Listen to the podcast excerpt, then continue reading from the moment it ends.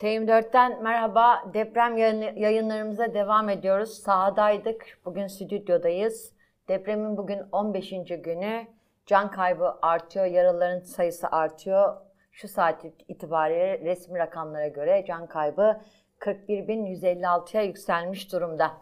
Evet deprem bölgesinde ilk günden itibaren olmaya çalıştık. Ee, arkadaşımız, muhabir arkadaşımız Hazar Dost Antakya'dan hiç ayrılmadı. Dün gece ayağının tozuyla İstanbul'a geldi. Murat Sabuncu, ben, Berna Bik, Faruk, Faruk Ekinci de yaklaşık yaklaşık değil, toplamda 8 ili gezdik. Oradaki e, depreme dair ilk sıcak izlenimlerimizi e, sıcağı sıcağına aktardık. Ama herhalde daha serin kanlı yoruma da ihtiyaç olduğunu düşünerek böyle bir yayını planladık.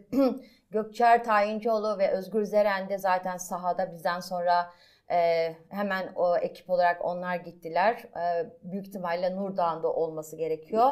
E, Gökçer'e de bağlanacağız. Oradaki son durumu da alacağız. Ama ben hemen bir Hazar'a dönmek istiyorum. Hazar e, ağırlıklı olarak Hatay, Antakya'daydın. E, dün mesela ne vardı? Hani o e, depremin 14 15. günü itibariyle dün akşam ayrıldığında orada ne vardı?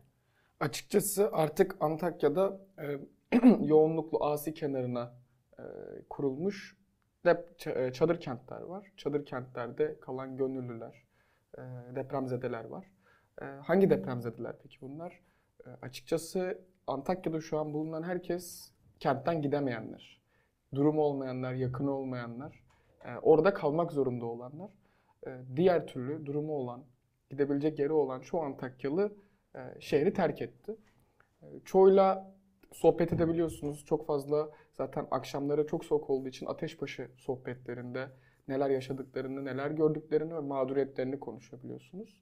E bir diğer taraftan kentte artık arama kurtarma çalışmaları e, yoğun değil. E, bir iki enkazda denk gelirseniz geliyorsunuz. Bu nedenle iş makineleri, arama kurtarma ekipleri de kentten e, gidiyorlar. E, madenciler de döndüler. Bu nedenle kentin tamamını artık çok ıssız olarak yorumlayabiliriz. Ee, yaklaşık 2-3 kilometrelik bir yola gidecektim Antakya'da akşam saatlerinde dün. Ee, bu yola gitmek için işte nereden gidebilirim diye oradaki bir Antakyalı depremzedeyle sohbet ettim. Bana şey dedi gitme oraya dedi. Yani çok karanlık. Ee, yani kentin artık belli öbeklerinde sadece ışıkların olduğu, belli öbeklerinde yaşamın olduğu bir yer var. Otobüsler e, çalışıyor otogardan ama otogar çok uzakta. İnsanların oraya gitmesi çok zor. Sabah saatlerinde gitmeleri gerekiyor. Vali göbeğinden kentin merkezinden aslında yaklaşık 50 dakikalık bir yürüme mesafesinde. Bir diğer taraftan da kentte artık çok fazla kolluk kuvveti olduğunu Aha. söylemek mümkün. Ee, ilk gün ki işte Türk Silahlı Kuvvetleri yardıma gitsin gibi tartışmalar vardı. Ee, bunun gün geçtikçe arttığını gördük. Ee, bugün artık Antakya'da her sokakta özel harekat polislerini, jandarmayı ve TSK mensuplarını görmek mümkün. Ee, yani kenti anlatabileceğimiz, gördüklerimiz bir enkaz yığını ve çadır kentlerde yaşama tutunmaya çalışan insanlar bütünü olarak görüyoruz. Hı hı. Çünkü e, çoğuna mesela çadır veriliyor, e, ısıtıcı verilmiyor. Isıtıcıya gelen yardımlardan... O sorun hala devam ediyor değil mi? Çadırların Tabii. yani içeri içinin doldurulması sorunu hala devam ediyor Tabii değil ki. mi? Yani hijyen malzemeleri, tuvaletler çok büyük sorun. Hala sorun. Yani 14. günde bile temiz tuvalet bulmak çok zor. Özellikle sizin de gördüğünüz Sevgi Parkı civarında e, kurulan, e, kurulan mobil tuvaletlerin çoğu e, iki günün ikinci günün itibariyle kullanılamayacak durumdaydı. Bu nedenle başka tuvaletler getirildi. O tuvaletler temizlenmedi vesaire yapılmadı. Şimdi yine de belediye görevlileri, gönüllülerle mobil tuvaletler daha kullanışlı hale getirilmeye, daha temiz tutulmaya çalışılıyor. Fakat yine de fazla insan bulunuyor orada ve bu hijyeni sağlamak çok zor. Hı hı. Hijyen malzemeleri getirilmiyor. E, gelen gönüllülerin gönderdikleri de açıkçası insanlara yetmiyor. Hı hı. Çünkü e, çoğu e, günlerdir duş alamadığını söylüyor. Duş alamadıkları için de insanlar psikolojik olarak da başka bir boyuta geçmeye başlıyor. Bunun dışında çadırların yoğunluğunda orada işte kurulan AFAD'ın kurduğu çadırlarda, diğer gönüllülerin gönderdiği çadırlarda özellikle artık 14. gün itibariyle en çok dikkatimizi çeken şey buydu. Kentten gidemeyenlerin oluşu terk edemeyenlerin oluşu. Hı hı. Ama 14. gün itibariyle tekrar tekrar e, önemli olduğunu düşündüğüm yerse dayanışma. Orada bir dayanışmayla ayakta kalmaya çalışan Antakyalıları görüyoruz. Dışarıdan gelen e, sivil toplum örgütlerinin, siyasi partilerin dayanışmasıyla ayakta kalmaya çalışan Antakyalılar var. Murat biz e, ekip olarak e, 8 il gezdik. Biz e, sıcağı sıcağına aktarmaya çalıştık e, illerdeki durumu, acil ihtiyaçları, koordinasyonsuzluğu. Bugün e, 15. günü. E, ve biraz daha oradaki gözlemlerimizi, izlenimlerimizi damıtma fırsatımız oldu döndüğümüz e, gün itibariyle. E, sende kalan ne mesela? Hani bu e, gezdiğimiz iller bazında ve bugün 15. gün itibariyle depremdeki e, sen raporu nasıl özetlersin? Şimdi Hazar daha dün döndü ve aslında söylediği çok kritik bir şey var. 15. günde biz hala tuvaleti, barınmayı, ısınmayı, gıdayı ve hijyeni konuşuyoruz. Yani e, ilk iki gündeki, üç gündeki oraya hiçbir kurtarma ekibinin yetişememesinin korkunçluğu, rezaleti, insanların kendi canlı olarak gördüğünü ama elde iş makinesi ya da başka türlü bir araç olmadığı için kurtaramadıklarını bir tarafa koy. O bir korkunç bir rezaletti. Bir acıyı da hepimizin acısı hala devam ediyor. Bir de hala 15. günde bölgedeki en sıradan farklı bir şey değil. Yani bir konteyner onlar tabii olması lazım ama hala biz tuvaleti konuşuyoruz, suyu konuşuyoruz, gıdayı konuşuyoruz, barınmayı konuşuyoruz. Şimdi bu tabii iki e, temel nokta var. Bir de tabii şöyle belki e, bakmak gerekiyor Candan bu işe. Bir, iktidar cephesi açısından ne görüyoruz? İktidar cephesi açısından gözüken e, hiçbir konuda hazırlığı olmayan tek bir adamın ağzına baktığı için ilk saatlerde yani o en, en kritik ilk saatlerde harekete geçememiş bir yapı görüyoruz. Bu yapının ilerleyen günlerde her zaman olduğu gibi bu, bu fatura iktidara çıkmasın diye elindeki medya demiyorum ona propaganda aygıtları vasıtasıyla asrın felaketi diyerek ya da işte bu o kadar kötü ki biz ne yapabilirdik diyerek ya da dini kullanarak topluma bunu bir farklı bir şekilde anlatmaya çalışması olarak da görüyoruz. Yani Kader. ilk kader, iktidarın e, kurtarmada ve ulaşmada ortaya koyduğu sefaleti dinle, kaderle örtmeye bir şekilde halletmeye çalışan bir noktası var. İktidar açısından bunu görmek lazım. E, bir hani o kurtarmadan ulaşmaya ve e, bunun iletişimine kadar her türlü bir sefaletle karşı karşıyayız. Muhalefet açısından e, şunu görmek lazım. Birincisi muhalefet e, e, sanki yani gittiğimiz yerlerde de gördük e, biraz daha organize. E, partiler, partililer, genel başkanlar, milletvekilleri e, alandaydı. Özellikle belediyelerin kurtarma ekipleri ve yardım ekipleri yani yemekte, e, efendim işte ısınmada, barınmada, çadırda bir çabası olduğunu gördük. Tabii bir taraftan hani yılların e, köklü partileri işte CHP başta olmak üzere gibi ya da İyi Parti gibi daha partiler varken e, daha tırnak içinde kendi ebatı küçük ama çabası büyük partileri de gördük. Yani özellikle Hatay'da ilk günlerde en büyük çabayı herkes söylüyor ki TKP göstermiş veya biz Hatay'da tipi çok alanda gördük.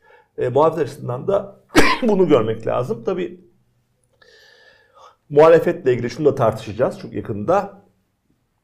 14 yıldır Hatay'da belediye başkanlığı yapan Lütfü Savaş. Savaş meselesi, Şimdi biz şunu çok açık ve net ortaya koyuyoruz. Arkadaş bir kişi bile istifa etmedi. Kimin öz olarak istifa etmesi lazım? Doğal olarak iktidardan birinin istifa etmesi lazım. İçişleri Bakanı'nın, Cumhurbaşkanı'nın kim varsa sorumlu. Ama aynı zamanda 14 yıldır orada belediye başkanlığı yapmış muhalefetteki kişinin de bununla ilgili bir hesap vermesi lazım. Bundan not olarak koyuyoruz. Evet evet. Zaten Lütfi Savaş'ta o notu iletelim. İstifa söylentileriyle ilgili. Burayı yeniden kalkındırıncaya kadar ben Buradayım görevin diyor başındayım ama işte tabii diyor. herhalde bu pek herhalde mümkün olmaz Bu, yani. bu e, oradaki yani yerel yönetimin zafiyetini ortadan kaldıran bir durum değil. Evet. E, son, Murat- son bir cümle daha Hı hı. söyleyeyim. Candan sonra sana bırakayım. Ee, burada dünyayı gördük. Yani Türkiye'nin işte bir gece ansızın gelebiliriz dediği Yunanistan'dan uzun süre görüşmediği İsrail'e, Ermenistan'a, e, Avrupa ülkelerine e, veya işte dünyanın her tarafından, Çin'den her taraftan e, kurtarma ekiplerinin, yardım ekiplerinin buraya geldiğini gördük. Bu da çok aslında değerli bir şey. Yani Türkiye'nin önünde aslında çok önemli bir şey e, ortaya çıkarttı bu konjonktür. Son bir şey. Onunla bitireyim. Ve esas bu acının, bu felaketin baş e, kahramanları. Yani sıradan halk. E, öğretmeni, doktoru, öğrencisi, genç, genci, yaşlısı. Karadenizlisi, Egelisi, Orta Anadolu'su.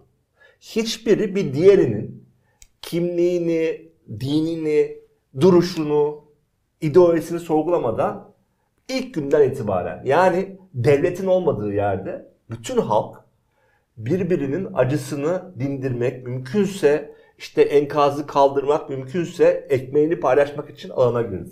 Türkiye'de özellikle sivil toplumu yok edilmeye çalışıldı ki bu iktidar buna çok çabaladı. Yani Özellikle 16 15 Temmuz sonrası. Evet, 15 Temmuz sonra Gezi, Gezi'de başladı bu. Evet. Sonra 15 Temmuz'da devam etti. Sivil toplumu yok etmek istedi. Ee, işte sivil toplum e, kuruluşlarını kapatmaya çalıştı. E, Başındaki insanları yar, hapse attı, yargıladı bir sürü şey. Fakat şunu gördük. Sivil toplum var ise dayanışma var. Ve son bir şeyle bitireyim sana bırakayım. Diyarbakır'da ve Adıyaman'da da gördüm bunu. Bütün e, bölgenin sivil toplum kuruluşlarının oluşturduğu bir yapı var idi. Onu da gördük. Barosu da, Tayyipler Birliği de, işte eğitimi seni de herkes içinde olduğu bir yapı kurmuşlar. Ve o yapı Diyarbakır'da 40 dakika sonra organize olmuş. Sanayi ve Ticaret Odası'nın bahçesinde e, organizasyona başlamışlar. Şunu da yapmışlar, bu çok önemli Candan. Hem valilikle hem AFAD'la da ilişkiye geçmişler. Evet, yani evet. beraber bir şey yapabilmişler. Dolayısıyla sivil toplumun ne kadar önemli olduğunu da görmüş olduk. Evet Murat sen e, işte dünyayı gördük derken e, bugün Dışişleri Bakanlığı bütün gelen dayanışma için gelen ülkelere teşekkür videosu hazırlamış kendi dillerinde. Ama e, Irak Bölgesel Yönetimi, Kürdistan Bölgesel Yönetimi o e, videoda yoktu. O teşekkürü alamamışlardı ki hatırlarsın biz İslahiye. İslahiye gittiğimizde ilk gelen ekip bizdik demişlerdi. Yani depremden saatler sonra ulaşan bir ekipten söz ediyoruz ve orada e, gördüğümüz kadarıyla çadırlar, tırlar, ambulanslar, arama kurtarma ekipleri olarak oradaydı. Yani buradan şunu tabii ki çıkarmamız gerekiyor. Bütün bu toplumsal dayanışmanın toplum nezdindeki bu toplumsal dayanışmanın ülkeler nezdine taşınmasının siyaseten hala e, belirli kodlar tarafından e, mahkum edilmesi gerçekten e, buradan nasıl ders çıkaracağımıza ilişkinde çok mutvari kılmıyor beni. Ki dayanışmayla ilgili benim de belirli e, tespitlerim var, eleştirilerim de olacak. Bu dayanışmanın bundan sonrasına dair evrimiyle ilişkili. Ama biz hep e, Murat Sen'le de yayınlarda e, ekip olarak hep şunu çok fark ettik. Asıl hikaye bundan sonra başlıyor. Yani fikri takip çok önemli. Yani o yüzden gazetecilere, medya kuruluşlarına inanılmaz bir e, görev düşüyor bundan sonraki süreç için. O yüzden fikri takibi biraz altını doldurmak açısından hatırlarsan e, Malatya'da Kiltepe'de en yoksul bölgelerden bir tanesi bir okulu biz gündeme getirmiştik. E, işte Muhsin Yazıcıoğlu Ortaokulu'nu muhtarı aradım ben yayın öncesi. Hala su gelmemiş Murat. Ee, Veli Ağbaba'nın kendi olanaklarıyla kurduğu 3 tane seyyar tuvalet var ama su sorunu hala devam ediyor. Hala ısınma sorunu devam ediyor. Zaten bölgesel olarak doğalgaz verilemiyordu. O gün de belliydi. Ee, ikinci olarak yemek sorununda hala bir düzenlilik olmadığını söyledi muhtar Celal Bey bir geliyor bir gelmiyor e, yu e, söyledik ki biz onu zaten o günde aktarmıştık. Yani düzelmeler yok. Hala insanlar sınıflarda sadece 500'dü, 300 kişi kalmış okulda. Ama okuldaki durum bu. Su yok, hijyen sorunu devam ediyor. Tuvalet dediğimiz 3 tane tuvalet 300 kişiye ne kadar yeterli olabilir? Banyo meselesi ne kadar çözülebilir? Bütün bunlar herhalde gerçekten üzerinde durulması gereken ve fikri takibinin yapılması gereken şeyler. Bir cümle söyleyeyim Candan Aha. okulla ilgili olarak. Ee, belki izleyenlerin e, kafasında biraz daha net oluşur. Bahsettiğimiz okul Malatya'nın bir köyünde, Ücra Kulesi'ndeki bir yer değil. Evet. Bahsettiğimiz Faruk belki de o okul, görüntüleri bahsettiğimiz okul Malatya Valiliğine, Malatya'nın ana caddesine 4 dakika mesafedeki bir yer. Yani hala Malatya'nın merkezindeki bir 4 dakikalık mahallesine ulaşamayan sudan, tuvalet altyapısından ve gıdadan bahsediyoruz. Bu Adıyaman'da da, Maraş'ta da, Antep, İslahiye'de de, e, Diyarbakır daha toparlanmıştı. Pek çok yerde hala devam ediyor. Yani e, söylediğin şey şu iki açıdan çok önemli. Bir, bu öyle bir maraton ki aylar belki de yıl sürecek. Evet. Dolayısıyla biz gazeteciler olarak bunu sormaya, sorgulamaya devam etmek zorundayız. Sivil toplum ve yapı ve kim iktidar olacaksa onlar da bu yapı içinde, bu grup içinde e, buraların ihtiyaçlarını, buradaki insanların yapılarını devam ettirmemiz lazım. Ve yani sivil toplumun ne kadar önemli olduğunu Evet. gördük ya. Evet. Devam edecek mi? Önleri kapatılacak mı? Engellenecek mi? Bütün bunların hepsini e, takip etmek zorundayız ki çünkü sivil toplumun çok hayati olduğu bir kez daha test edildi, bir kez daha kanıtlandı. Hazar sen bugün T24'te önemli bir habere imza attın. Bir AFAD gönüllüsüyle konuştun. E, AFAD'la ilgili gittiğimiz her yerde ee, sen buna dair senin gözlemlerin ya da tanıklıkların nedir onu da eklersin mutlaka. Bir AFAD'ın rol çaldığına ilişkin çok ciddi şeyler duyduk biz. Görüntüler de var. Mar- Kahramanmaraş'ta gönüllülerle AFAD arasındaki, madencilerle AFAD arasındaki o tartışma. AFAD'a dair algı ne? İnsanlar ne tür tanıklıklar anlattılar? AFAD gönüllüsü tam olarak sana ne söyledi? Buna dair neler söyleyeceksin Hazar? Öncelikle depremzedelerle olan enkaz başında olan bir sohbetle e, anlatmak istiyorum bu konuyu. E, PTT meydanı dediğimiz yerde 3 tane büyük binanın yıkıldığı bir enkaz vardı. Öyle bir enkazdı ki e, tüm binaların birbirine girdiği bir durumdu ve bu nedenle e, çıkartılan e, hayatını kaybeden cesetlerin e, çoğu apartman isimleri yazılan yerlere bırakılıyordu. E, depremin dördüncü ya da beşinci günüydü. Yani gece hangi geceye kaldığını çok e, hatırlamıyorum. E, orada sohbet ederken AFAD'ın bir aracı geldi oraya. Arama kurtarma çalışmalarını sivil ekipler, gönüllü ekipler sürdürürken AFAD'ın bir aracı geldi. Depremzedeler bir ayaklandı, bir, böyle bir hareketlendiler. E, sonra hayrola niye geldi acaba diye bir sohbet döndü. Beşinci gün, dördüncü gün ilk defa burada AFAD aracı görüyoruz diyorlardı. Bu nedenle şaşırmışlardı. AFAD aracını gördükleri için şaşırmışlardı. Bu bir anı değil sadece. Tüm depremzedelerin anlattığı ortak şeydi. Ee, Kimle oturursanız, kimle konuşursanız AFAD'ın, AFAD ekiplerinin eksik kaldığını söylüyorlardı. Kaldı ki bugün AFAD gönüllüsü ki Antakya'ya ilk gelen AFAD gönüllüsü ekibi. Yani yedisinde Evet. orada olan değil mi Hazar? Evet. 7'sinde 7 orada. Şubat'ta. 7 Şubat'ta e, Antakya'ya varan ekipten kendisi. E, doğrudan şu cümlelerle anlatıyor. En çarpıcı cümlesi bence burasıydı. Bizi önlüklerimizle oraya orada dolaşalım diye göndermişlerdi. E, çünkü ekipman yok, ekipman eksik. Arama kurtarma çalışmalarına katılabilecekleri gerekli. Çünkü ağır bir enkazdan bahsediyoruz. Bu enkazı kaldırmada, bu enkazdaki insanlara ulaşmada kullanabilecekleri yeterli malzemelerinin gönderilmediğini söylüyordu.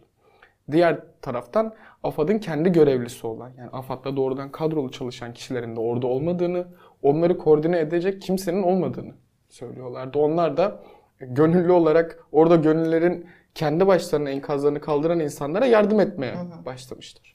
Ve bu organizasyonsuzluk, koordinasyonsuzluk e, bir gün iki gün değil, 3-4 gün sürüyor onun anlatımına göre. E, Diğer taraftan e, malzeme tedariğinin sağlanamaması durumu.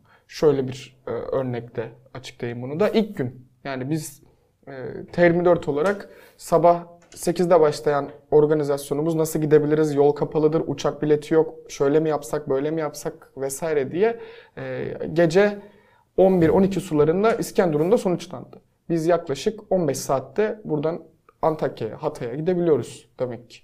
E, gittiğimizde kentte e, ilk geçtiğimiz videoda da zaten görünüyor. E, hiç üniformalı kişi bile yoktu. Belki Antakya itfaiyesi, belki Hatay itfaiyesi. E, üniformalı yani bu üniformalı dediğimiz e, işte yelek, gönüllü yeleği giyen işte ya da AFAD üniformalı insandan bahsediyoruz. Böyle insanlar da yoktu. E, bazı e, sivil toplum örgütlerinin, bazı belediyelerin hızlıca çıkartıp hadi siz hızlıca gidin diyerek gönderdiği ekipler vardı. Ama bunlar profesyonel değildi. Kaldı ki kentte ilk gün ceset torbası bile yoktu. İnsanlar Sen zaten görüntüledin Evet. battaniyelerle. Evet, battaniyelere sarılıyordu. Sonrasında aslında Malatya'nın, İslahiye'nin, e, belki diğer illerin e, bu durumunun kötü olmasının nedeni de yine bir koordinasyonsuzluk. Çünkü e, Hatay bu kadar e, tırnak içinde sosyal medyada gündem olunca, popüler olunca tüm yardımlar bir anda Antakya'ya, Hatay'a doğru gelmeye başladı. Ve bu sefer Diğer bölgelerde yeteri kadar insanlara malzeme götürülemedi, işte e, destek gelmedi. Şimdi mesela Malatya'da hala suyun gelmediği, işte belki enkazın kaldırılmadığı yerlerden bahsediyoruz. E, bunun nedeni Antakya kadar yıkılmama, yıkılmamasına rağmen oraya bir koordinasyon sağlanamaması. Vefat gönüllüsü de bundan bahsediyor. Biz danışacağımız insan bulamıyorduk. Ne yapalım, ne edelim, biz nereye gidelim diye. Sorabileceğimiz insan yoktu diyor. Döndükten kendileri dördüncü günün sonunda dönüyorlar İstanbul'a. Ee, ekiplerinin başındaki kişi e, döndüklerini bilmiyor. E, üç gün sonra siz neredesiniz, ne taraftasınız diye arıyor. Yani böyle bir koordinasyonsuzluktan bahsediyoruz. Ve bu dördüncü günde Evet. olan şeyler. Ee, bizim gördüklerimiz de bunlardı. Bizim elimizdeki görüntülerde şahit olduklarımızda da bunlar vardı. Antakya halkı bir enkazı kendi başına kaldırmaya çalıştı. İlk iki gün, üç gün en azından. Sonra evet vinçler, kepçeler, iş operatörleri, işte iş makineleri vesaireler oraya geldi.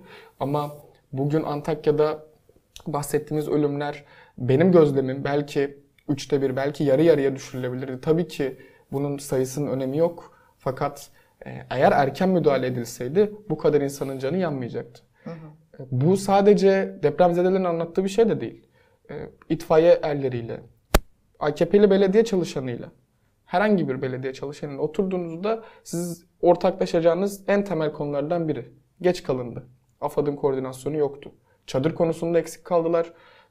AFAD Başkanı tüm herkese çadır, tüm depremzedelere çadır eriştirdik dediğinde biz o akşam paylaştığımız görüntüde sokakta yatan Antakyalılar vardı. Yani bir bakıma e, ya yanlış bilgilendirildiler gerçekten.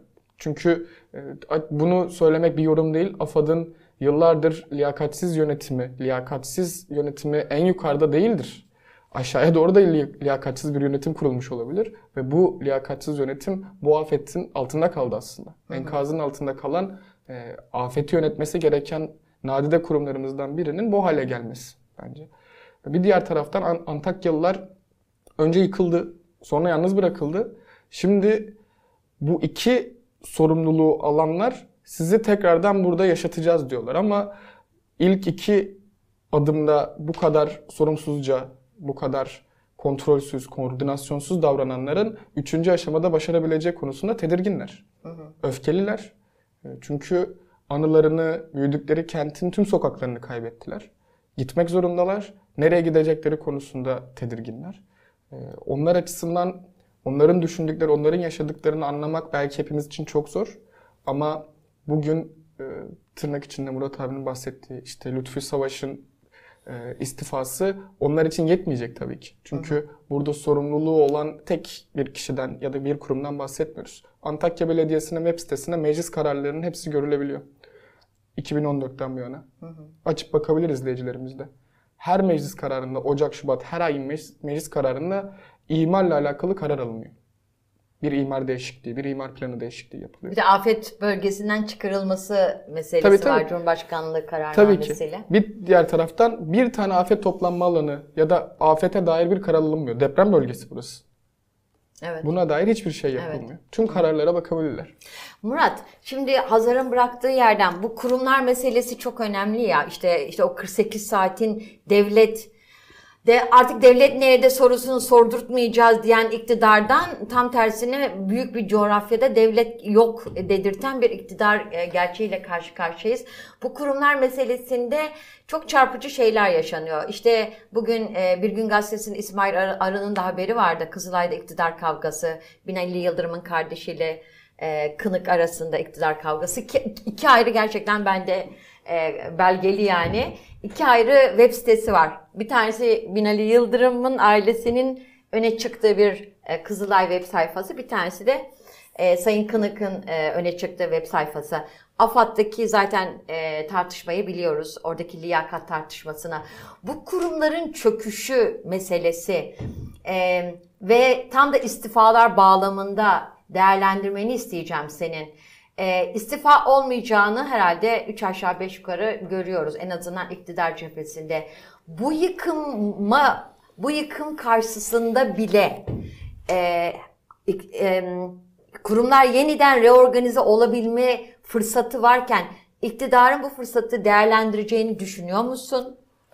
İkinci olarak gerçekten bu e, yıkım karşısında iktidarın bazı isimleri e, bazı isimlere fatura keseceğini düşünüyor musun? Her iki durumda da iktidarın alacağı pozisyonu siyaseten nasıl okumak gerekir? Şöyle düşünüyorum. Birincisi e, bu yıkımın ana sorumlusu Recep Tayyip Erdoğan. Onun adını koymak lazım. Çünkü kurumları kurum olmaktan çıkartan, kurumları tek bir kişinin isteğiyle, emriyle e, kendine bağlayan, Türkiye'de şu anda bakanı yok. Türkiye'nin şu anda bir milletvekili, kendi AK Partisi'nden söylüyorum, yok. Türkiye'nin şu anda bir bürokratı yok. Türkiye'de herkes dönüp tek adama bakıyor ve herkes cümlesine şöyle başlıyor idi. Sayın Cumhurbaşkanımızın onay ve izinleriyle diye başlayan bir yapı var. Tensipleriyle diye başlayan bir yapı vardı. Şimdi önce insanlar itiraz ettiler. Ne itiraz ettiler? Dediler ki mesela örnek olsun diye söylüyorum. Bir güreşçinin Kamu Bankası Yönetim Kurulu'nda ne işi var diye sordular. Geçiştirdi iktidar. Veya Merkez Bankası'nın başındaki insanları sordular, sorguladılar falan. Şimdi o gün onlara iktidar kendi çapında geçiştirerek, gülerek, alay ederek bazı cevaplar verdi. Fakat iş geldi nereye dayandı Candan? İş şuraya dayandı. Bugün AFAD'ın yöneticilerinin pek çoğunun arama kurtarma ya da diğer konularda ne bir eğitiminin olduğu, ne bir bilgisinin olduğu, ne bir koordinasyon yeteneğinin olduğunun ortaya çıkmasıyla ilgili bir şey. Ya ben şeyler değilim. Ya işte İmam Hatip'le ilahiyatçı falan filan. Onda değilim ben Canan. Konu İmam Hatip ya da ilahiyat değil. Konu şu. Arkadaş AFAD'ın başkanı, AFAD'ın il, il başkanları, AFAD'ın kurtarıcı ekiplerinin Türkiye'de ya da dünyada bu konuda eğitim almış uzman kişiler olması lazım idi. Eğer siz AKP ilk iktidara geldiğinden beri tırnak içinde e, alnı secdeye değmiş kişi arama bulma noktasını altını çizmeseydi bak ne oldu? Alnı secdeye değmiş diye Fethullahçıları yargıda, poliste, askerde bir yere yerleştirdiler. Türkiye'de darbe girişimi oldu. Türkiye'nin meclisi bombalandı. Türkiye'de işte ekonomide e, kendilerine bağlı liyakatsiz insanlara getirdiler. Ne oldu? Türkiye'de büyük bir ekonomik kriz, ekonomik buhran başladı. Ve şimdi en acısını yaşıyoruz. Türkiye'de arama kurtarma, iç işleri, bütün bunların koordinasyonu konusunda kişileri liyakatle değil, alnının secde değmesiyle ya da başka konularla ya da AKP yakın olmasıyla atadığınız zaman 48 İdeolojik saat, gerekçelerle. 48 saat, 72 saat insanlarınız enkaz altında duruyorlar, çığlık atıyorlar. Gözünüzün önünde ne yazık ki insanları biz kaybediyoruz. Hala tam ne olacağı belli değil. Herkes ne diyordu? İlk biz de gördük. Hazar daha bizden daha önce gitti. Neydi konu? Ya malzeme geliyor, birileri var bir yerde ama hani yürüyen insanlar ne yapacağını bilmeyen organizasyon bir yer bir yere su, su yığmışlar e, 10 bin tane iki mahalle ötede bir, bir, bir, bir bardak su içecek su yok. Bir yere işte elbise yığmışlar gidiyorsun başka bir yerde ceket donan bir insan var. Yani şimdi sen bu organizasyonu sen bu yapıyı bu şekilde kurarsan toplum bunun altında kalır ve kaldı. Tabii bir cümleyle gene sana bırakayım ben sözü. E, Recep Tayyip Erdoğan kadar onun ortağı e, Devlet Bahçeli. Ki Devlet Bahçeli bugün 15. gün bölgeye daha yeni gidiyor. Evet. Şunu söyleyeyim. Erdoğan'la beraber. Erdoğan'la beraber o tek başına da değil. Şunu söyleyeyim. Biz, biz de arabayla gittik. Ankara, Osman, Ankara Adana arası e, yeni yoldan 4,5 saat. Oradan da bir saat, 5,5 saat. 5,5 saatlik yere Osmaniye'ye kendi doğduğu yere gitmemiş Devlet Bahçeli'den bahsediyoruz. Daha da ağırını söyleyeyim. Beraber gittiğim için sen de Evet. gördün, ben de gördüm. İstasyon Caddesi orası. E, caddenin e, hemen sağındaki binalar yıkılmış. Arkadaki binalar yıkılmış. Bir tane bina duruyor orada sapasağlam. Devlet Bahçeli'nin kendi için Konağı. yaptırdığı konağı, devlet e, konağı tamam e, Candan orada insanlar soğuktan, susuzluktan, tuvaletten kırılırken bütün varlığını Türklüğe tırnak içinde Türkiye'ye armağan ettiğini söyleyen Devlet Bahçeli bir talimatla oranın kapılarını o insanlarına, kendi vatandaşlarına, kendi hemşehrilerine açtırmamış. E Bunu, bunu, bunu sorması lazım insanların. Bunun MHP ile şununla bununla alakası yok. Bunun bir insanlıkla alakası var. Şimdi Devlet Bahçeli o gün eğer talimat verseydi açın kapıları, insanlar soğukta kalmasınlar. Ey MHP'nin teşkilatları gidin benim evimden orada yemek dağıtın. Neden neden demediniz? Oradan buradan gelmiş bir sürü gönüllü elindeki ekmeğini, elindeki suyunu paylaşırken Osmaniye'ye doğmuş, evi tek sağlam kalmış o caddede bir insan milliyetçiliği, Türklüğü, Türkiye işte canını ve vermediniz devlet bey. Siz canınızı vermediniz o Türklüğe falan filan. Zaten Osmaniyeler Kendi de sorguluyor değil mi? Sorguluyor. E, Osmaniyeli yani Türkiye sorguluyor. Neden? Niye o kapı açılmadı? Du- Duruyor orası. E bir şu. Şimdi bütün bunlar tabii bir başka türlü bir iktidar kafası ve bu insanlar devlet, devlet, devlet diye diye beka, devlet, biz esas beka problemini liyakatsızlıkla kendiniz gibi olanları sadece bir yerlere getirmeyle ve bütün bu yapı içinde başkasını kutuplaştırarak, ötekileştirerek kendi ve küçük çevrenizi e, bir şekilde farklı ve olumlu pozisyonlarda konumlayarak bir şey yaptınız. Sonuç memleketin 10 ili çöktü, enkaz altında kaldık ve siz yine bunu işte asrın felaketi, din, e, kader bununla e, örtmeye çalışıyorsunuz ama bu sefer örtemeyeceksiniz. Evet. Şimdi e, dediğim gibi TM4 ekipleri başından itibaren deprem bölgesindeydi ve olmaya da devam ediyor. Gökçer Tayincioğlu bizimle. Gökçer Özgür Zeren'le beraber Kahramanmaraş'ın çıkışında. Gökçer e, senden izlenimlerini alalım. Bir de T24'teki yazın çok önemli.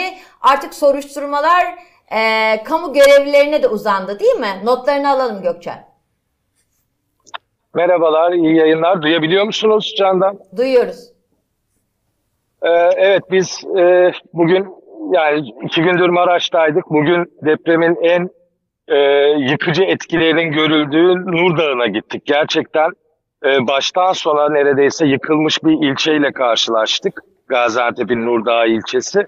E, hakikaten hemen hemen her sokak, her cadde ya bütünüyle yıkılmış binalar ya da ağır hasarlı ve yıkım kararı verilmiş binalar. Çok sayıda çadır kent var. E, Erdoğan'ın orayı da ziyaret edeceğine yönelik bir iddia var. Onun hazırlıkları da sürüyordu. Gitmemizin bir nedeni de oydu aslında. E, çok sayıda gazeteci de bu nedenle e, ilçeye gitmişti. Ancak tabii Nurdağ'dan çok ciddi bir göç de gözledik. Yani o ağır hasarlı olmasına rağmen evlerinden kurtarabildiklerini insanlar alıp gitmeye hazırlanıyorlardı. E, zira Nurdağ gerçekten e, özellikle ilgilenilmesi gereken bir nokta. Yani ne zaman e, tekrar imar edilir diyelim evler yapıldı oturmak için e, yeniden ilçede bir iş hayatı nasıl geliştirilir tamamen belirsiz. E, biraz da açıkçası Nurdağ'ın yerlilerinde e, biraz umutsuz da bir hava hakimdi. E, çadır kentler kurulmuş elbette ama hani bir, bir kısmını dinleyebildim sizin konuşmalarınızın. Maraş'ta da biz aynı sorunu gözlemledik. Hala bir koordinasyon sorunu var. Yani çadırlar var, dağıtılmış, e, malzeme de gelmiş. Ancak bir yerde işte biraz önce Murat Sabuncu'nun söylediği gibi e, tonlarca gıda birikmiş, sular birikmiş. Biraz ilerliyorsunuz. Orada içecek su aranıyor, yemeklik su var, içecek su yok diye insanlara su verilemiyor. E, böyle bir e, atmosfer var. E, çok acil bir çadır ihtiyacı en azından Maraş ve Nurdağ'ında kalmamış durumda bizim gözlemlediğimiz kadarıyla. E, orada ısıtıcı problemi de çözülmüş durumda ama hala e, banyo ve tuvalet sorunu çok ciddi bir sorun olarak gözlemleniyor. Diğer bir ciddi sorun bize yardım gönülleri sürekli söylüyor. Belki de bizim hatamız diyorlar hatta. Yani bir dönem gıda yardımı çok fazla yapıldı. Bu nedenle bunları kesin ve şu yardımları yapın diye çağrılar yaptık. Bunun üzerine gıda yardımları kesildi. Özellikle gönüllü organizasyonlar e, bu şekilde yardımlar sürmezse ne zaman bunu ne kadar bunu sürdürebiliriz sorusuna yanıt arıyorlar ve gıda yardımlarının e, yapılmasını istiyorlar. E, her gittiğimiz yerde hemen hemen lütfen bu konuda çağrıda bulunun, sesimizi duyurun diyorlar. E, soruşturmalar dedin Candan. E, biz hem Maraş'ta hem diğer e, depremin vurduğu illerdeki koordinatör savcılıklarla temaslarımız oldu. E, Maraş özelinde ve aslında bütün deprem bölgesi özelinde ilk kez iki tane denetçi tutuklandı. E, aslında o sitenin müteahhiti de e, tutuklanmıştı daha önce e, AKP ilçe başkanı, eski ilçe başkanının olduğu müteahhitliğini yaptığı bir siteydi. Ancak şöyle bilgiler aldık. Şimdi kamuoyu şunu merak ediyor. Belediye başkanlarının sorumluluğu var mı? Ya da diğer bürokratların, kamu görevlilerinin sorumluluğu var mı? Bu kişilere neden işlem yapılmıyor? Bizim edindiğimiz bilgi şu anda bu konularda bir bilirkişi incelemesi yapıldı.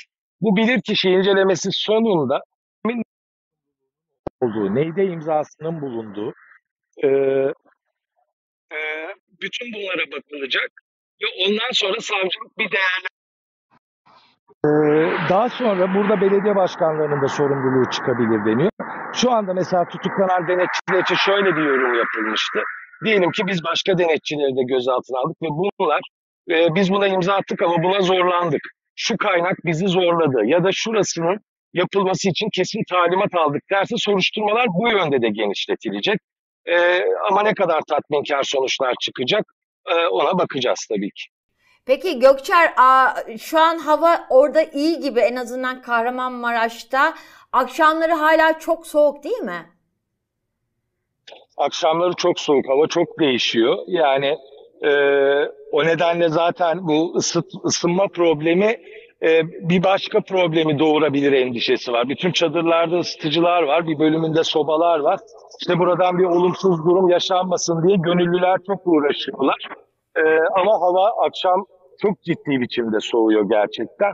E, ama dediğim gibi yani çadır probleminin ilk etapta çözülmüş olduğunu gözlemleyebiliyoruz. Hı hı, hı hı. Peki Gökçer çok teşekkürler. Herhalde zaten diğer bölgelere de yolculuğunuz devam edecek. İzlenimler, izlenimlerini aktarmaya devam edeceksin. Kolay gelsin. Özgür'e de e, çok çok selamlar. Çok teşekkürler. Evet buradan diğer e, kentlere, ilçelere de e, devam edeceğiz. Size de iyi yayınlar. Çok teşekkürler. Evet Murat ben şunu merak ediyorum. Şimdi bu gıda meselesi hani ilk başlarda çok çağrı yapıldı gerçekten ama gıda meselesi dediğimiz şey hep onu söylüyorum. Beslenmeyle karın doyurmak aynı şey değil. Biz deprem bölgesinde ekmekle de karnımızı doyurduk ama o beslenmeye denk düşmüyor ve bu çocuklar gelişim çağındalar. Bu gıda meselesinin hala e, e, sistematik olarak çözülememesi, bir beslenme sorununu çözmek üzerinden e, çözülememesi bence ciddi bir sorun. İkinci olarak çocuklar tahliye edildi. E, İstanbul'daki, e, 71 ildeki e, okullara dağıtıldı. Bu çocuklar nerede kalıyor? Mesela bunların şeffaf olarak açıklanması gerekiyor gerçekten. Bu çocuklar nerede kalıyor? Yakınlarında mı kalıyor? Konuştuğum eğitim senli öğretmenler e, kaymakamlıklar üzerinden sınıflara koli bağışlayın diye bir tür tırnak içinde talimat göndermiş. Yani devlet yine gıda yardımı ihtiyacını yine vatandaşın sırtına yüklemiş. Öyle görünüyor. Sınıflar kendi çaplarında koliler hazırla, hazırlayacak. Bütün bunlara baktığımızda gerçekten Murat şunu çok merak ediyorum. Ee, ki onu da mutlaka o notu iletmek istiyorum. Çünkü bana da geldi o bilgiler. Ee, Sağlık Bakanı herhangi bir işte e, bulaşıcı hastalıklardan ya da işte bir e, salgın hastalıktan söz edemeyiz diyor ama ciddi anlamda bit ve e, sıtma ilacı şeyi var, ihtiyacı var. Yani o taleplerden bir tanesi bu. Şunu söylemek istiyorum. Devlet yine vatandaşa yüklüyor görüntüsü vererek aslında asrın felaketi söylemini de e, biraz buradan da meşrulaştırmaya mı çalışıyor? Şöyle düşünüyorum. Dediğin gibi biz e, o gün 8 gün boyunca alanda genelde e, hem biz o şekildeydik hem de insanları gördük. Yani e, ekmek var biraz, bisküvi gelmiş. Çorba var. Çorba var ama işte 3 gün sonra, 5 gün sonra, 15 gün sonra yani orada bir kere bir çok ciddi bir sıcak yemek ihtiyacı var. İkincisi mesela Adıyaman'da gördük. Böyle binalar e, orada işte yıkımdan e, iş makineleri gelmiş halletmeye çalışıyorlar. Arabalar geçiyorlar. Toz içinde bir döner as- asmışlar. Bu arada Bahçeli ve Erdoğan Hatay'a giriş yapmışlar. Evet. E, o, o, oradan işte insanlar hani bir, bir hijyen problemi, gıdada da hijyen problemi var. Birincisi bu. İkincisi dezavantajlı grupları var e, oranın. Yani başta Suriyeliler olmak üzere. Ki ilk günlerde Suriyelilerle ilgili e, ırkçılar, provokatörler e, biliyorsun işte yağma yapıyorlar falan diye bir sürü yalan söylediler. Ki biz orada gördüğümüz zaman başta Gaziantep olmak üzere gittik oradaki o insanlarla konuştuk. Aynı aynı toprağın altında kalmış aynı insanlıktan bahsediyoruz. Ama onlara hedef gösterdiler. Dolayısıyla bir taraftan işte orada yaşayan insanlar, bir taraftan bunlara ulaşamayan gıda, bir taraftan dezavantajlı hedefteki gruplar, yani çok büyük bir kaos var. Yani bu, burada insanların birbirine tabii ki de yardım edecek insanlar burada. Herkes canı gönülden ama mesela çok iyi çalışan İBB'nin yeni kapıdaki bir şeyi var. Büyük İstanbul Büyükşehir Belediyesi'nin yapısı. Ama mesela tam olarak bir mesela diyorlar ki insanlar ha hijyen malzemesi eksik. Artık çok ciddi anonsların yapılması lazım. Örnek olsun diye söylüyorum. İşte Gökçer diyor ki Kahramanmaraş çadır ihtiyacı kalmadı. Ha, demek ki Kahramanmaraş'ta nedir ihtiyaç? Gıdada, efendim işte hijyende, bütün bunların artık günlük olarak hepimizin bileceği şekilde devlet tarafından, AFAD tarafından, belediyeler tarafından Kahramanmaraş'ta ihtiyaç duyulan maddeler neler? Günlük. Ya ben bugün mü yollayacağım? Bugün ne lazım orada? Et lazım, ekmek lazım, kadın pedi lazım. Bileceğim. Günlük olarak. Ortaya böyle yazıyorlar 20-30. Bak diyor çadır yok, ihtiyaç yok diyor. Demek ki ne lazım? Başka bir şey lazım. Şimdi biz hala 15. günde nereye ne lazım, nereye ne yollayacağız konusunda bile bilinçsizce tırnak içinde kendimizden de biz gazeteciyiz, görevimiz ama halktan bahsediyorum. Hala bundan habersizsek, hala bunu çözemediysek çok ciddi bir iletişim problemi var. Bunun çözülmesi lazım. Son bir notla bırakayım. İletişim, Cumhurbaşkanlığı İletişim Başkanlığı'nın görevi gazeteci fişlemek, gazetecilerin basın kartına falan filan el koymak değildir. Cumhurbaşkanı İletişim Başkanlığı'nın görevi tüm Türkiye'deki aynı zamanda nerede ne ihtiyaç varsa onları da iletişim anlamında ortaya koymaktır. Cumhurbaşkanlığı'nın ya da Türkiye'deki iktidarın iletişim başkanlıklarının görevi algı yönetmek, propaganda yapmak değildir. Gerçek anlamda gazetecilerin iletişim anlamında orada olmasını sağlamaktır. Onların bilgilerin etrafa e, çıkmasını sağlamaktır ve bütün anlamda, bütün iletişim, Türkiye'deki devletin elindeki, iktidarın elindeki iletişim de bütün bu ihtiyaçların ortaya konması içindir. Ha şundan korkuyorlarsa ya arkadaş ne kadar ihtiyaç var hiçbir yetişemediler diyorlarsa zaten herkes bunun farkında. Hatta yetişemediklerinin farkında. E, dedi, demin söyledin işte Hatay'a giriş yapmışlar. E, Maraş'ta geçeceklermiş. Hala Bahçeli açısından Osmaniye hala yok. Onu da görmüş Evet, evet. söyleyeyim. Ben de notlarla son sözü şeye bırakacağım, e, Hazar'a bırakacağım. Yavaş yavaş toparlayacağız. Evet. Şu çok önemli gerçekten. Hani bu merkezi yönetim anlayışının ve e, o bunun kutsanmasının nasıl sonuçlar ürettiği yani insanlar ve hepimiz canlarımızla ödüyoruz bunun sonuçlarını. E, ve bu noktada sivil toplumun o kadar hayati olduğu açık ki e, nerede ne ihtiyaç varın e, bilgisi hücrelere dağılan sivil toplumla mümkün. Merkezi e, yönetimlerle, merkezi anlayışlarla ya da cezalandırma sistemiyle bu işin gitmeyeceği çok açık. Hatırlarsın e, kira krizi, barınma krizi olduğunda %25'ten fazla e, zam yapılamaz diye bir e, şey çıkardı. e, Temmuz'da hükümet karar, evet. e, karar çıkardı. Bu bunun sahada gerçek hayatta karşılığı yok. Yine taşınmayla ilgili belirli bir e, meblağı e, geçemezsiniz diye karar çıkarıyorsun. Sahada karşılığı yok. O yüzden sivil toplumun de- devrede olması gerekiyor ki kendi örgütlenme alanlarında gerçekten dayanışmaya dayalı, dayanışmaya dayalı ihtiyaçları gider, giderecek bir çözüm e, silsilesi üretebilirsin. Bunun içinde taşınma var, bunun içinde barınma var, bunun içinde çocukların psikolojik rehabilitasyon süreçlerinden geçmesi var. Bunun, bunun içinde gerçekten hakiki ihtiyaçların gerçekten e, ihtiyaç olan yerlere dağıt, dağıtılması gerekir e, gerçeği var vesaire. Osman Bilgin'i hatırla işte koordinatör var. Ne kadar çarpıcı bir şey söyledi. Evet. Geç kaldık dedi. Evet. 3 ya da 4 ya da 5 katı bir e, daha fazla bir tabloyla karşı karşıyayız dedi. Bu noktada mesela siz hala sivil topluma sırtınızı dönerseniz, kriminalize ederseniz, Diyarbakır modelinden hala bir şeyler öğrenmezseniz gerçekten merkezi hükümet yeniden bu e- enkazın altında ka- kalmaya mahkum gibi geliyor bana. Hazar son olarak şunu soracağım sana. Bu kayıp çocuklar meselesi. Bununla ilgili sen duyumlar aldın mı? Ee, özellikle Hatay'da sana bu, bununla ilgili bilgiler aktarıldı mı? Gerçekten kayıp çocuklarla ilgili ya şu çocuğum kayıp, şu yeğenim kayıp gibi böyle e, sana gelip bilgi aktaranlar oldu mu? Evet yani e, zaten bölgede artık enkazdaki arama kurtarma çalışmaları e, çoğunda sonlandığı için e, Antakya'nın bir kısmında duvarlara asılmış kayıp ilanlarını görmek mümkün. E, bu kayıpların enkazdan çıkartılıp çıkartılmadığı konusunda çoğu bilgi sahibi değil aslında. E, ama mesela örnek veriyorum bir tane okudum aklımda kalan enkazdan çıktığı görülmüş, çıkartıldığı görülmüş. Şu an şokta olabilir ve nerede olduğu bilinmiyor diye e, yazan da var.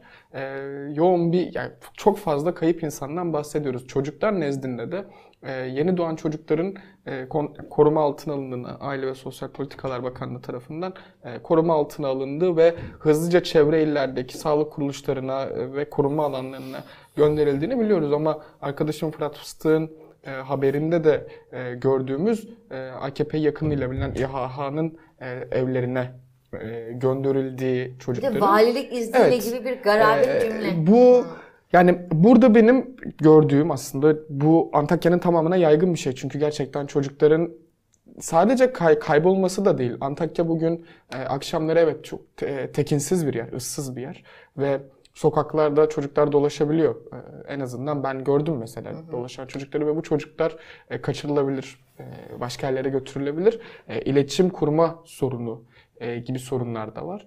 E, bu nedenle bu çocuklara yani benim orada konuştuğum Aile ve Sosyal Politikalar Bakanlığı hastanelerde bu çocukların yani kaybolan çocuklar var elimizde. Bu çocukların ailelerine ulaşmaya çalışıyoruz. Yakınlarına en azından. E, aileleri hayatını kaybettiyse yakınlarına ulaşmaya çalışıyoruz. Eğer bulamazsak kendi bakanlığımız nezdinde gerekeni yapacağız dediler. Ama bu e, benim konuştuğum yetkili olan konuşmam e, çocukların İHA'nın evlerine götürüldüğü haberinden önceydi.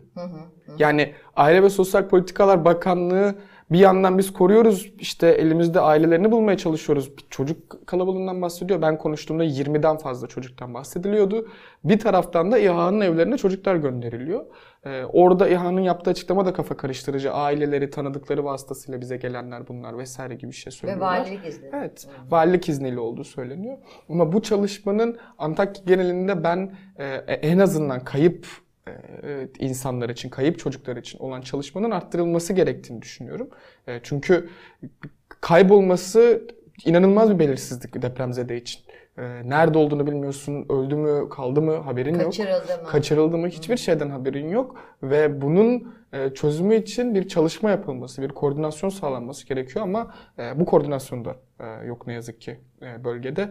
Polislere ihbar edebiliyorsun, ulaşamıyorum vesaire diye ya da hastanelere e, sordurabiliyorsun. E, sadece buraya gelirken, evden buraya gelirken sosyal medyada 3 tane işte kayıp ilanı, Antakya özelinde kayıp ilanı bana iletildi. Yani işte ulaşamıyoruz hastanede mi vesaire bilmiyoruz. E, şu hastaneye götürüldüğünü söylemişler diye.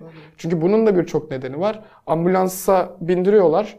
Şöyle özetleyeyim. Ambulansa bindirirken enkaz başındaki kişi tanıdığı ya da başka biri hangi hastaneye götürüyorsunuz diye soruyor 112 etkilisine. Örnek veriyorum A hastanesine diyor.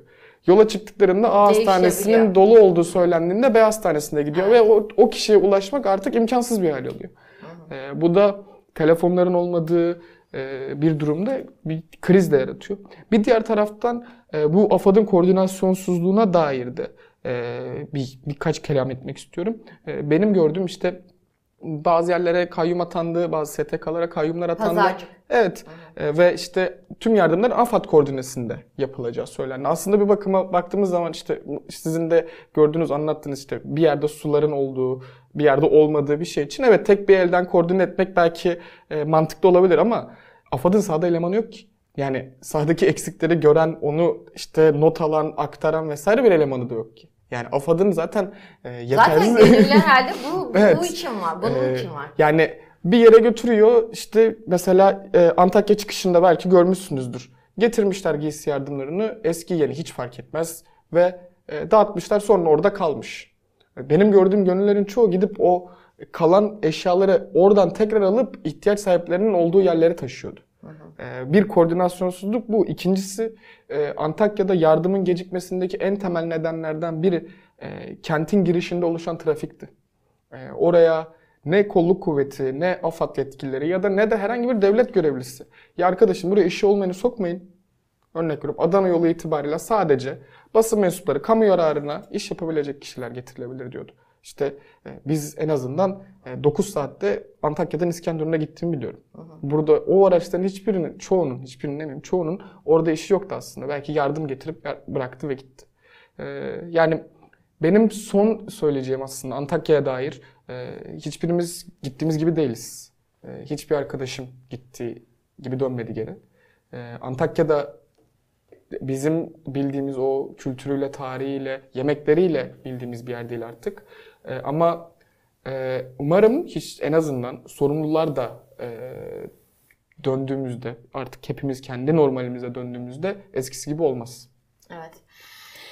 Evet biz gerçekten e, bölgeden etkilenerek dönmemek zaten mümkün değil ama hani e, bu son olsun diyeceğimiz bir sürece girecek miyiz? Siyasi bunun ve bütün e, bu noktada e, bir sorumluluk siyasette gerçekten bu son olsun diyebileceğimiz bir sürece girecek miyiz? Bunu göreceğiz. Bu da tabii ki e, kamu adına denetçi biz gazetecilere çok e, görev düşüyor bu konuda. Çünkü gerçekler olmazsa e, onun gerçekten hakiki bir denetleme mümkün değil. O yüzden senin de dediğin gibi iletişim başkanlığı gazetecilerin görevlerini yapabilmesinin önünü açmalı. E, ve hakiki ihtiyaçlar ne? Bunun koordinasyonunda görev almalı. Evet TM4 takipçileri e, deprem bölgesindeki gerçekleri aktarmaya devam edeceğiz demiştik. Devam ediyoruz. Gökçer, Tayincioğlu ve Özgür Zeren işte m, Kahramanmaraş'tan diğer bölgelere gidecek. Oradaki izlenimlerini aktarmaya devam edecek. Bu çok uzun bir süreç. iyileşmek uzun bir e, yol ve bu noktada da gerçekten kamu e, denetlemesi e, bakımından biz gazetecilere çok görev düşüyor. Unutturmamak lazım. Sürekli olarak gündemde tutmak lazım. Çünkü deprem uzun yıllarımızı çaldı. Bakalım bundan sonraki süreç nasıl ilerleyecek? Biz de takipçisi olacağız. Görüşmek üzere.